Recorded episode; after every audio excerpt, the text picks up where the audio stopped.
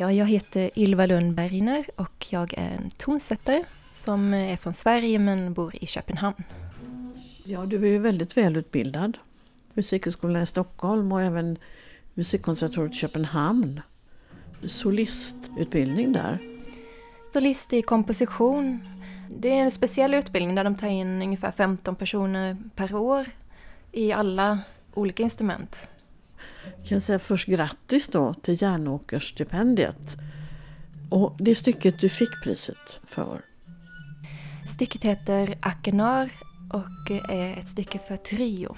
Och det är skrivet speciellt för ensemblen Faint Noise som är fiol, basblockflöjt och objekt som man säger. Alla möjliga sorters funna saker som man kan spela på. Och blockflöjten är en väldigt speciell typ av basblockflöjt. Fyrkantig, stor. ja, den ser väldigt speciell ut. I ensemblen är det Karin Hellqvist på fiol, Anna Petrini på blockflöjt och Malin Bång på objekt och elektronik också. Vad är det för stycke då? Det är ett väldigt intimt stycke, intensivt, många små ljud. Uppgiften vi fick av ensemblen det var att eh, det skulle ha med ett minne att göra. En barndomsminne eller någonting annat som betyder någonting för en. För mig var det att jag eh, gick omkring i en eh, gammal övergiven fruktträdgård som var precis bredvid där jag bodde ett tag som barn. Där jag ofta gick omkring, ofta tillsammans med mina syskon också. Var var det någonstans? I Bjärred utanför Lund. Tyvärr så finns inte den fruktträdgården kvar längre för de har rivit det och byggt hus. Men det var fantastiskt. Det var ett oerhört stort område som eh, var övergivet med gamla, gamla fina äppelträd och buskar. Och helt fantastiskt och otroligt djurliv också. Och där gick jag ofta omkring och lyssnade på naturen. Man kunde gå och ta på de gamla träden och den här sommarvärmen. Och... Det var helt fantastiskt.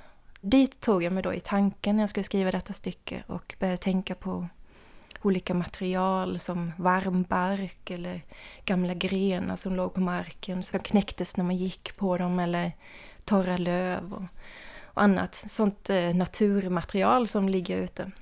Så tänkte jag att jag skulle använda mig av det för att komma in i eh, ljudvärlden i det här stycket. Det var en jättestor inspiration och det skapade också en, en form av historia bara med de här ljuden.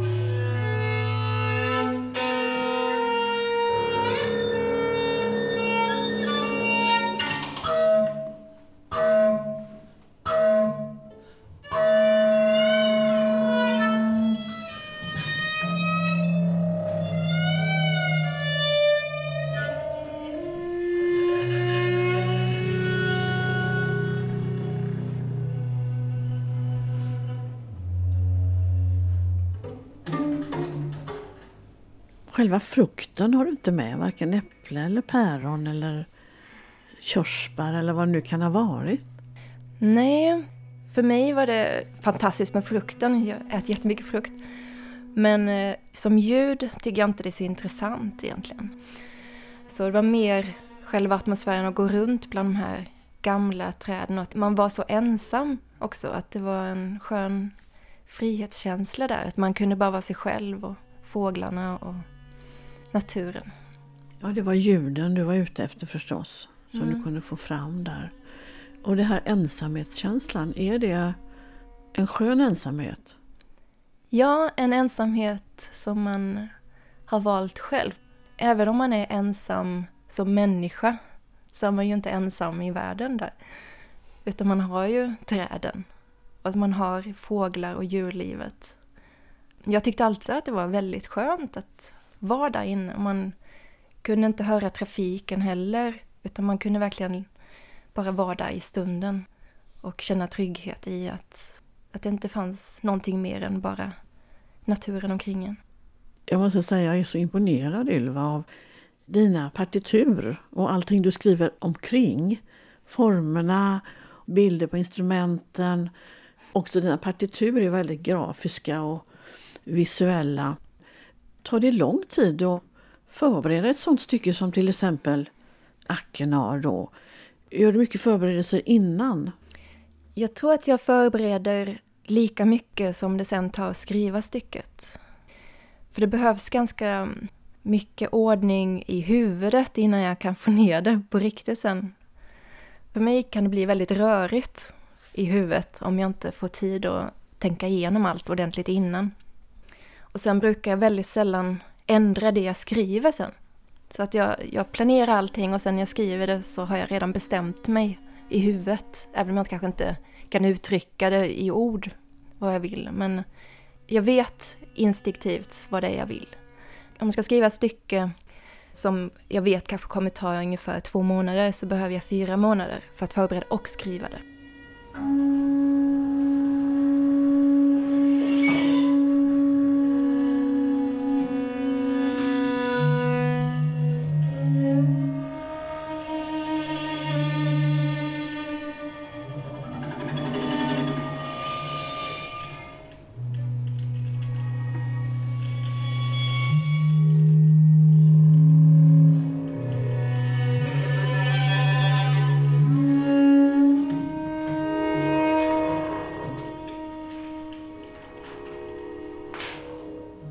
Till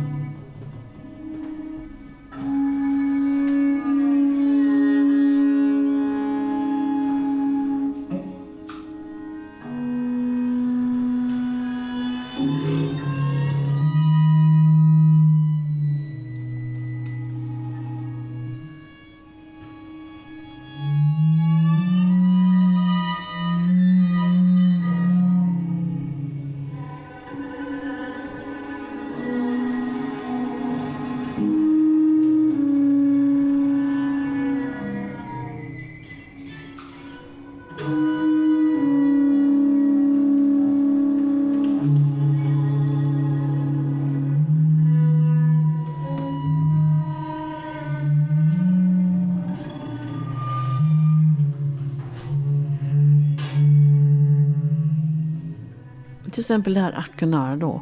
Vad är det du förbereder då? Vad är det du antecknar? För du skriver ju ner allting. När det är en trio så får man ju inte göra det för mycket heller. Jag är på gränsen i det här stycket för det är väldigt svårt att spela. Särskilt för Malin Bong som spelar objekt. Det är där om man använder för många objekt och för många saker och ljud så blir det för mycket saker för att musiken ska få plats också de måste ju också kunna musicera. Så det är någonting som man måste planera också egentligen. Så man måste välja ut vilka ljud och vad det är de betyder och hur de ska hänga ihop. Och alla instrumenten, hur de ska spela tillsammans. Till exempel om man säger psh, så kan det ljudet också skapas av till exempel en C-vitamin i vatten. Så det ljudet tillsammans med de andra musikerna, de säger detta she-ljud, gör att de smälter ihop till en enda kropp. För det är också någonting som jag gillar väldigt mycket. Att ensemblen blir en enhet, en enda kropp. Så att man inte riktigt vet vad som är vad till sist. För att de byter roller med varandra eller skapar ljud tillsammans. Som eh, är väldigt olika i sitt ursprung men som ändå låter likt.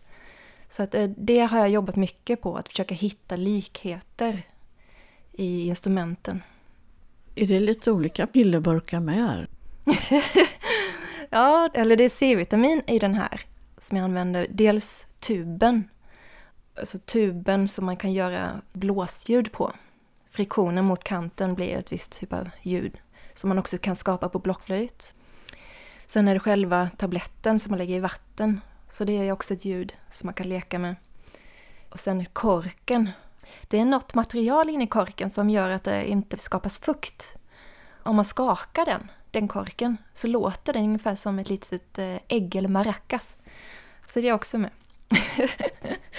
så ja, jag försökte hitta ljud som eh, var lite oväntade och som man sen kunde finna på andra sätt i andra instrument också.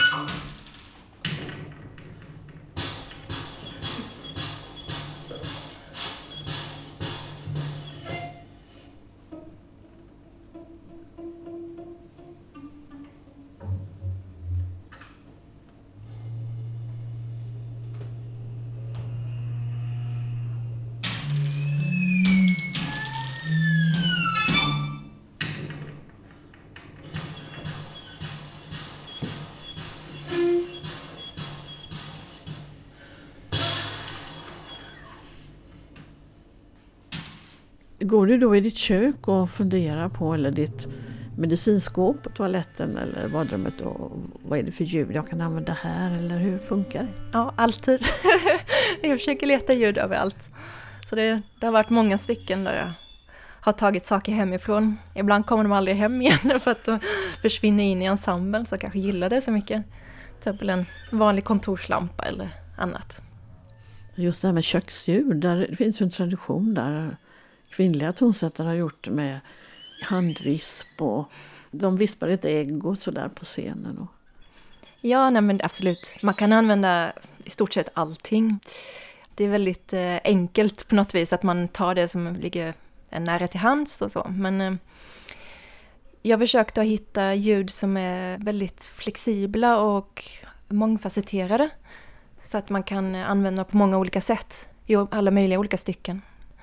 En del ljud återkommer i mina verk. Vilka då? Ja, men till exempel lampa. Det är nog en av mina favoriter. Man kan dels spela på eh, skärmen, ja. Den kan man eh, slå på eller så kan man stryka med stråken på den eller ha en visp inne i den också. Det blir också väldigt fint. Och eh, på själva fjädringarna. Och sen så på själva metallen på den. Och, nej, det är oändligt i stort sett. Jag har till och med använt ljudet av när man skruvar i en eh, glödlampa fast det gnisslar lite. Det är favorit.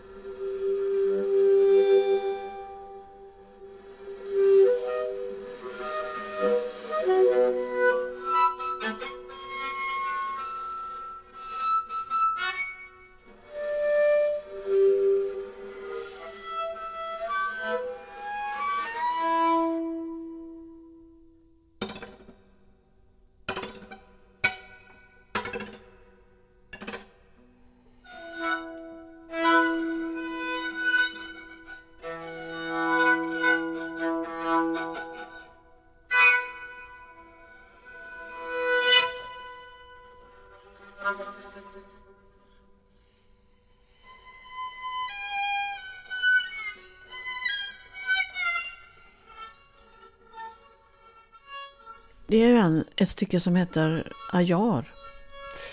Det är ju inspirerat av en glänta, eller att det är någonting på glänt. Så det är en öppning av något slag. Så för mig hade jag bilden av att man gick i en mörk skog och helt plötsligt så öppnade upp sig och ljuset strilade ner genom eh, grenverket. Och att man då kunde antingen gå ut i den här gläntan och stå i ljuset. Men då verkar skogen ännu mörkare runt omkring en så man vill kanske inte gå tillbaka dit. Eller så står man på avstånd och tittar mot ljuset.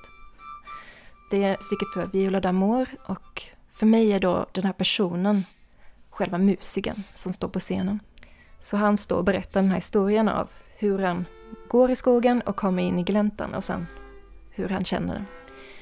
För det första så hade jag ett problem när jag skulle börja skriva Viola d'Amour-stycket Ayar. För att man skulle bestämma vilka strängar man ska spela på.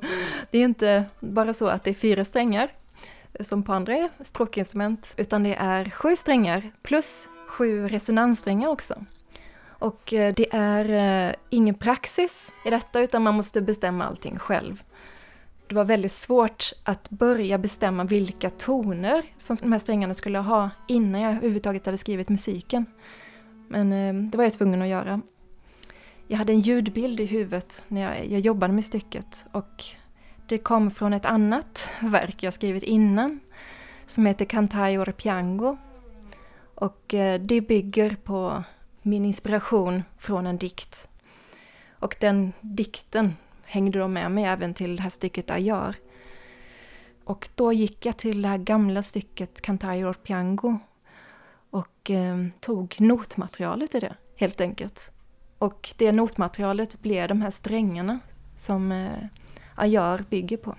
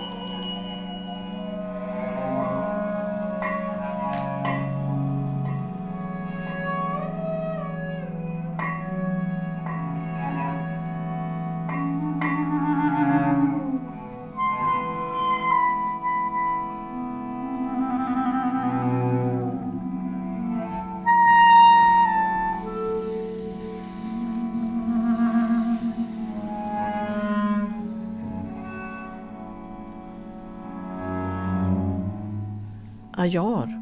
Det var skrivet för en speciell violinist. Ja, precis. Han heter Marco Fosi och eh, är från eh, Italien. Och hade beställt ett stycke för Viola d'Amor. Han pratar ju också där väldigt poetiskt. Ja, ja jag har lagt in eh, en dikt i det här stycket, Ajar. En kärleksdikt av Petrarca.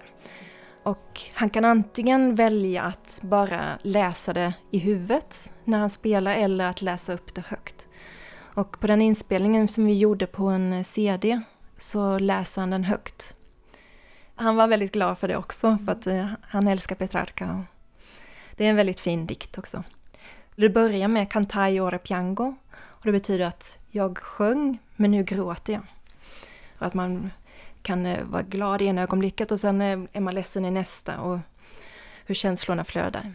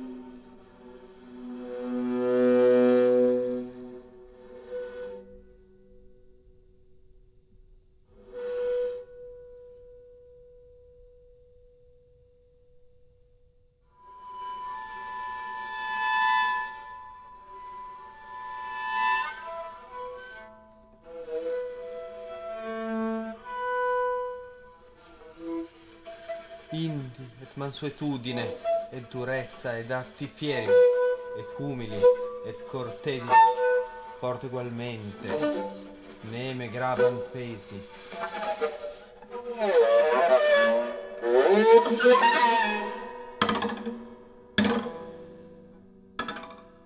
Texten betyder mycket för dina stycken, kanske även om det inte är någon text i på något sätt. Det kan vara små instrumentaloperor. Instrumentaloperor, det har jag aldrig hört förut. Eller instrumentella kammaroperor. Jag tycker att text kan vara väldigt inspirerande.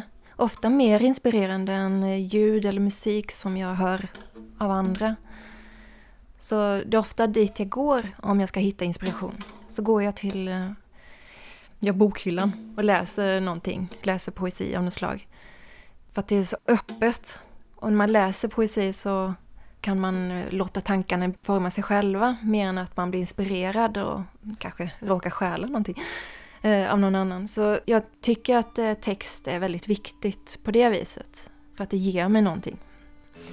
Ibland så ligger en text bakom ett stycke som inte kommer fram. Men sen tycker jag också om att använda det vid sång också. Som monodramer som du nämnde där. Det är inte all text som inspirerar, men det är vissa. Det ska ofta vara bildligt på något vis, det ska skapa tydliga bilder för mig. Så att det hamnar på en plats eller i ett tillstånd.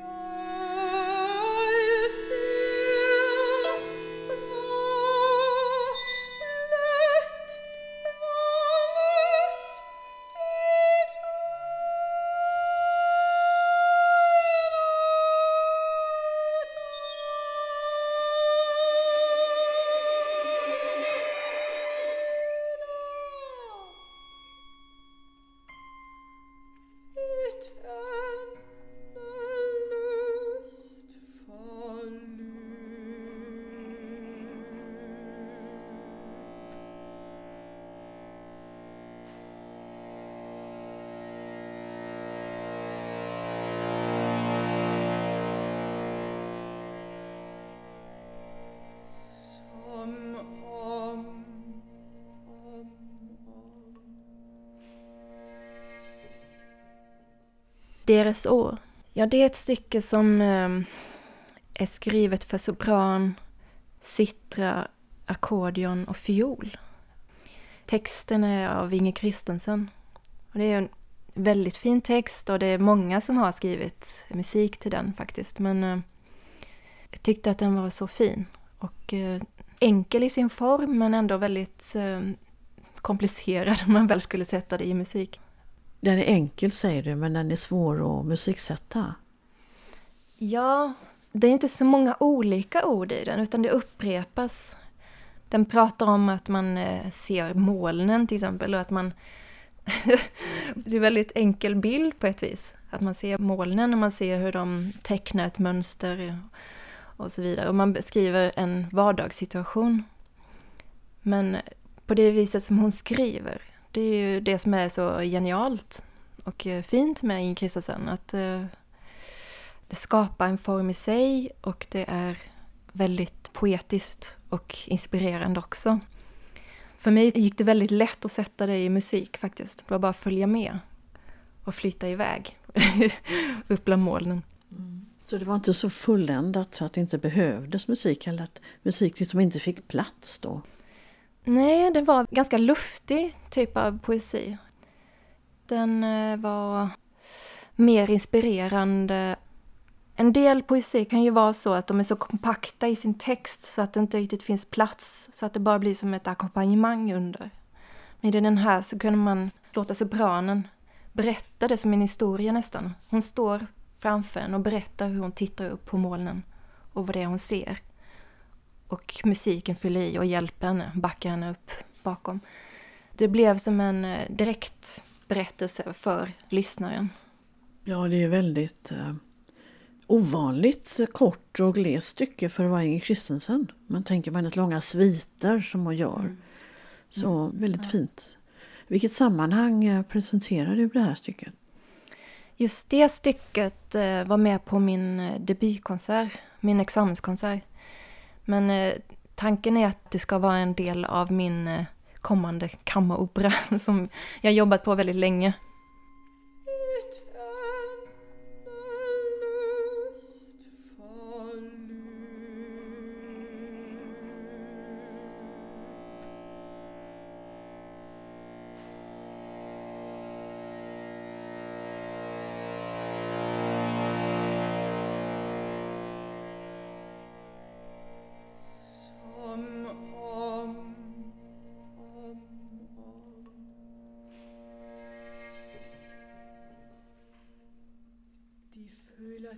Tillid